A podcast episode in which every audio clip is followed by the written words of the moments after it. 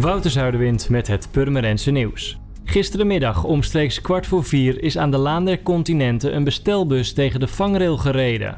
De bestuurster kwam van een rotonde met de wereldbol toen zij de controle over het stuur verloor en tegen de punt van de vangrail reed. De zwangere vrouw is gewond geraakt en een kind dat ook in het busje zat kwam met de schrik vrij.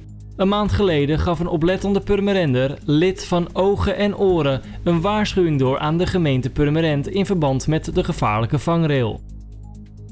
Ondanks dat er nog een bezwaarprocedure loopt om de bouw van tijdelijke woningen aan de Kanaaldijk tegen te gaan, zijn gisteren toch de eerste palen de grond ingegaan.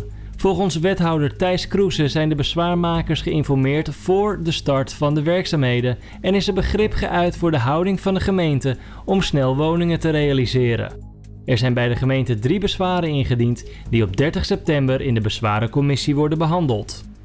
En Veilig Verkeer Nederland en de ANWB luiden de noodklok om provinciale wegen waarop veel ongelukken gebeuren, ook wel dode wegen genoemd, veiliger te maken. Afgelopen dinsdagavond nog is er langs de Purmerendeweg een auto bijna te water geraakt. De automobilist raakte een boom en een lantaarnpaal en kwam in de berm tot stilstand. De bestuurder kon niet meer zelfstandig uit de auto komen.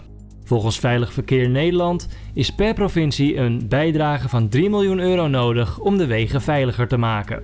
Voor meer nieuws, kijk of luister je natuurlijk naar RTV Purmerend, volg je onze socials of ga je naar rtvpurmerend.nl.